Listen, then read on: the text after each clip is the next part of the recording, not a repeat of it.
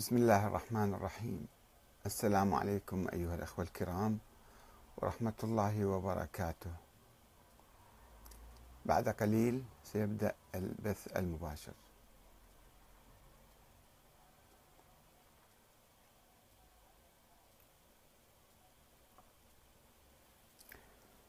بعد قليل سنبدأ البث المباشر.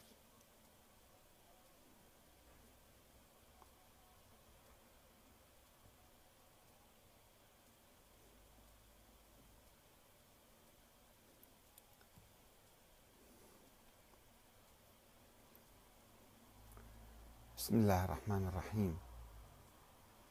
السلام عليكم أيها الأخوة الكرام ورحمة الله وبركاته.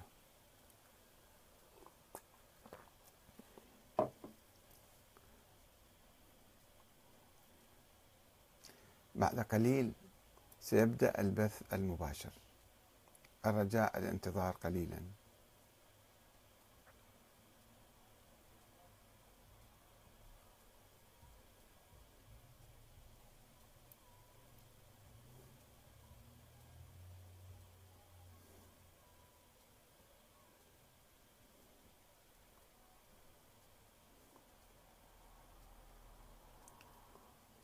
بسم الله الرحمن الرحيم. السلام عليكم أيها الأخوة الكرام ورحمة الله وبركاته. هل يجوز بناء العقيدة على الظن والتخمين والافتراض أم يجب بناؤها على العلم واليقين؟ وأية رواية أقوى تاريخيا؟ رواية صلب السيد المسيح عليه السلام أم ولادة الإمام الثاني عشر محمد بن الحسن العسكري. لماذا يرفض القرآن الكريم الاعتراف بهذه الرواية التي توجد حولها أدلة عند المسيحيين أدلة كثيرة؟ من اعتقال المسيح إلى مثلا رفعه على الخشبة إلى فقدانه إلى لماذا يشكك القرآن فيها وينتقد المسيحيين لأنهم يؤمنون بالظن ويقول هل عندكم يعني علم حتى تعطونه أم تبنون عقيدتكم على الظن وأن الظن لا يغني من الحق شيئا. وإذا قارنا رواية صلب السيد المسيح التي يرفضها المسلمون وطبعا حتى بعض المسيحيين يرفضوها مع رواية ولادة الابن للإمام الحادي عشر يعني محمد بن حسن العسكري التي يحفها الغموض وبنيت على الافتراض والخيالات والروايات الغير معقولة. هل هذه يعني فيها علم يقين حتى نؤمن بها؟ فلماذا كفرنا برواية صلب المسيح وهي أقوى تاريخيا من حيث الرواية التاريخية؟ أقوى من ولادة شخص. أبوه يقول أنا ما, عندي ولد وأهل البيت ما يعرفوا ولم يروا أحد من الناس طوال التاريخ. فكيف نؤمن بهذه ونكفر بتلك؟ من بديهيات الإسلام أنه يقوم على العلم واليقين وخاصة العقيدة. لا يمكن أن نبني عقيدة إسلامية على أخبار آحاد أو على روايات غامضة. إنما يجب أن نأخذها من القرآن الكريم فقط فقط وفقط.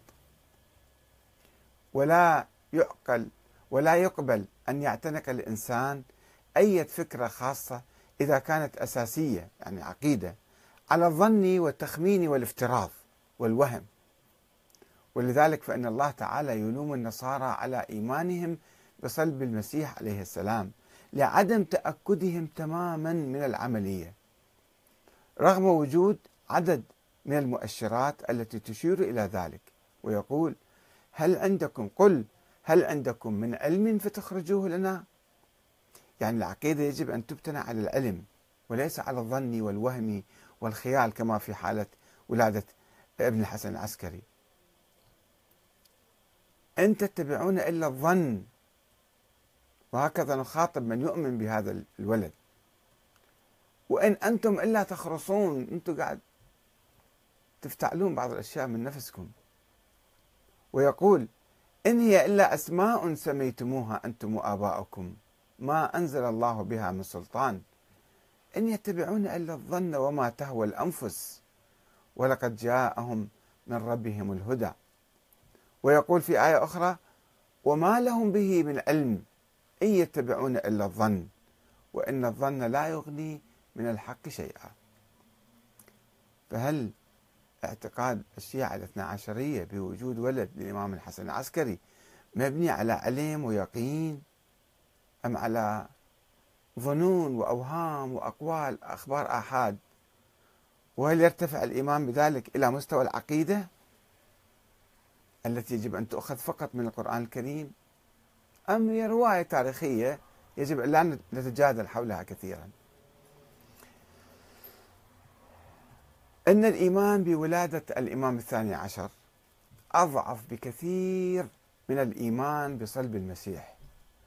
ورغم ذلك يرفض الله عز وجل أن يؤمن الناس بحدث لم يتأكدوا منه ولم يحصل لديهم علم به إذ أن الإيمان بوجود الولد ليس إلا ظنا وتخمينا ووهما وافتراضا تعسفيا مخالفا للقوانين الإسلامية التي لا تجيز نسبة ولد إلى أي إنسان من دون علمه واعترافه وبعد وفاته. وبالرغم من رفض أهل بيته له أنه هذا ما نعرف هكذا ولد ولا يوجد هكذا ولد. هذا في القضايا العادية. فكيف يجوز أن نقبل مثل هذه النسبة في قضية يعتبرها البعض عقائدية ودينية؟ وإذا عرضنا هذه القضية على أي محكمة إسلامية شرعية لتفصل فيها فإن أي قاض سيرفض الاستماع الأولي لهكذا دعوة. مو يحقق فيها لا يقول لك روح روح اطلع برا. ما يستمع استماع أولي لهذه القضية. لأنها واهية جدا وضعيفة جدا. واحد يقول أنا ما عندي أولاد. أهل بيته يقولون ما عندي أولاد. أخوه يقول ما عنده أولاد. يجوك بعض الناس بعداء والله إحنا شفنا عنده ولد في حياته وعندنا اتصال به وهو موجود وهو كذا كذا كذا كذا. هذه دعوة كلش متهافتة.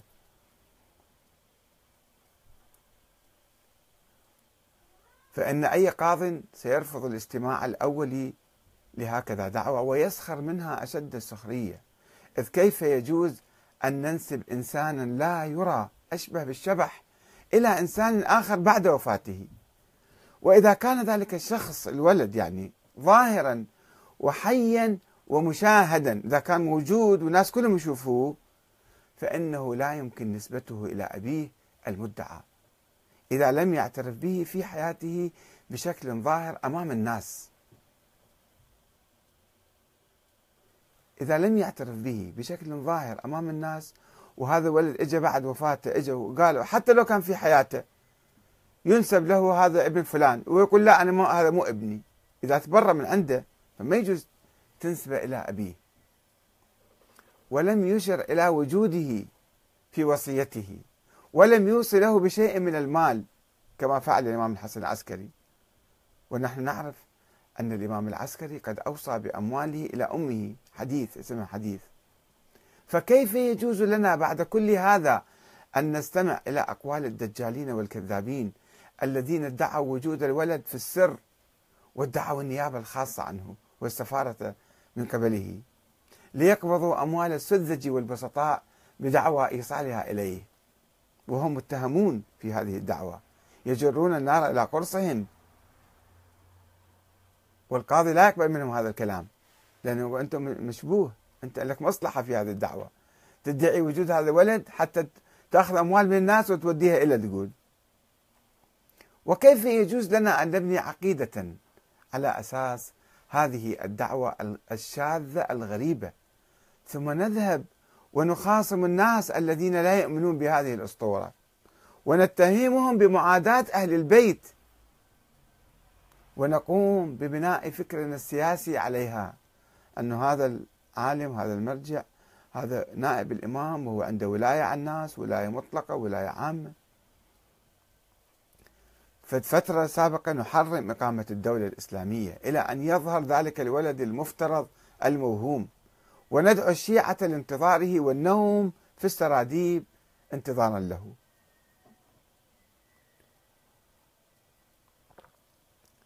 أيها الأخوة الأعزاء هناك اليوم نهضة إسلامية شيعية مشهودة يخشى منها الأعداء والطغاة والمستكبرون وقد حاولوا ويحاولون إجهاضها من كل جانب ولكنهم فشلوا والحمد لله.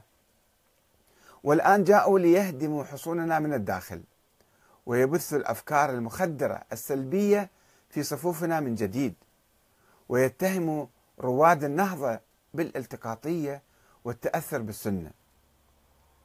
وهم يعرفون أن الشيعة لم يتأخروا إلا بسبب تلك الأفكار المخدرة. وأن من يعود إلى الوراء أنا ما أريد أسمي شخص معين. وأن من يعود إلى الوراء قبيل مجيء نظام حزب البعث في العراق لا يجد كثيرا من الأفكار السلبية المخدرة كانت مخيمة على الحوزة في النجف في الستينات خصوصا. ويعرف أنها هي المسؤولة بنسبة ما عن قيام الدكتاتورية والاستبداد لأنها سكتت عن انقلاب 17 تموز ولم تحرك ساكنا. إذ أن أصحابها كانوا يدعون الناس إلى الانسحاب السياسي وانتظار الإمام المهدي ويحاربون الأحزاب الحية النشطة. ولذلك فقد شن الإمام الخميني في محاضراته التي ألقاها في النجف عام 1969 هجوما عنيفا على تلك الأفكار المخدرة التي تنتظر صاحب الزمان. وتعجب من أصحابها قائلا إلى متى ننتظر ظهور الإمام المهدي؟ ولنفترض أنه لم يخرج إلا بعد آلاف السنين. فهل نعطل الشريعة الإسلامية ونجمد الحدود؟ هكذا صرخ الإمام الخميني في حوزة النجف النائمة. وها هو الشيخ الكوراني الآن العاملي. اليوم يرفض التفكير أو الاجتهاد أو الإجابة على الأسئلة الرئيسية التي قدمناها له. مثل ماذا نفعل اليوم؟ هو يقول يجب أن نؤمن بالإمام المهدي طيب ونحن سألناه ونسأله ماذا نفعل اليوم؟ وليس لنا وسيلة للوصول إلى الإمام المعصوم المعين من قبل الله على فرض وجوده. هل نجلس في بيوتنا؟ أم نبادر إلى تشكيل الحكومة الإسلامية. وأي حكومة أخرى. وإذا قلنا بجواز أو وجوب تشكيلها فعلى أي أساس؟ على أساس القهر والغلبة أي واحد يسيطر يشكل الحكومة أم على أساس الشورى وانتخاب الناس؟ وإذا جاز لنا اليوم إقامة النظام الإسلامي أو أي حكومة على أساس الشورى فلماذا لم يجوز لنا من قبل؟ من بعد الرسول. ولماذا نفترض شروطا تعجيزية مثل العصمة والنص من الله في الإمام يعني في رئيس الجمهورية أو رئيس الوزراء؟ ولماذا نضرب رؤوسنا بالجدران إذا لم نجد يوما إماما معصوما معينا من قبل الله؟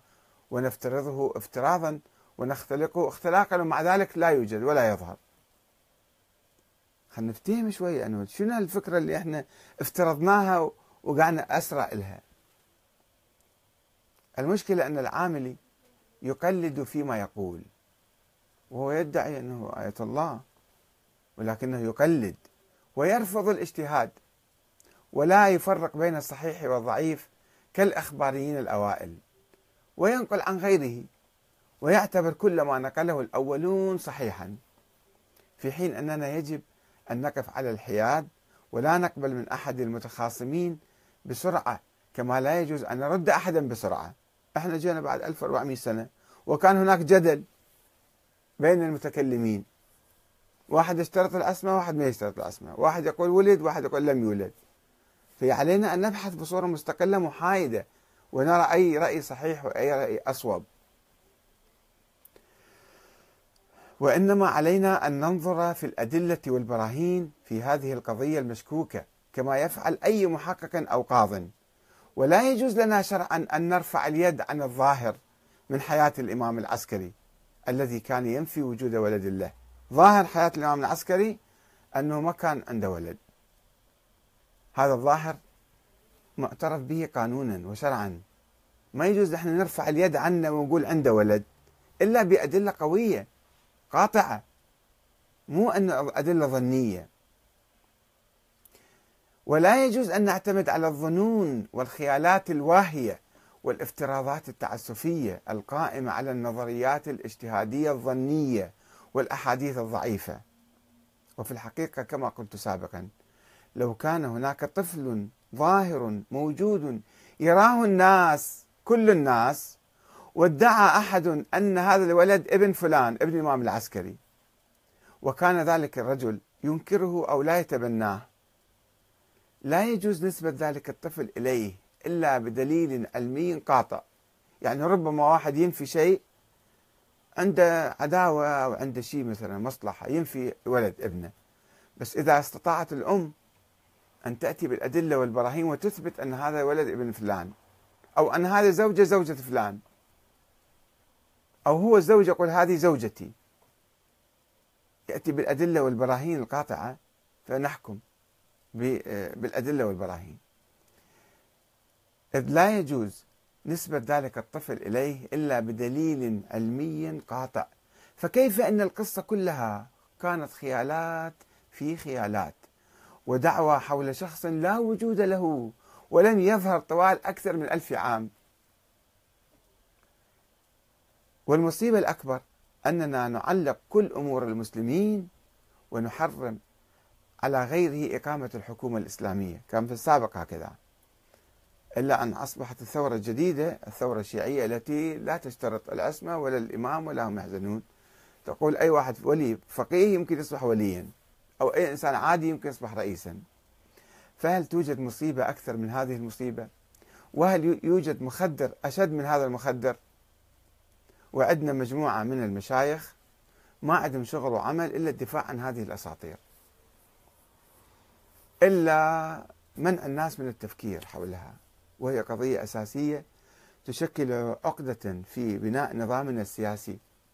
أن نسوي حكومة ولا ما نسوي؟ ننتظر الإمام المعصوم الشيء الثاني أنه هذا العلماء هم نوابة ولا مو نوابة؟ لهم ولاية عامة ولا ما لهم ولاية عامة على الناس؟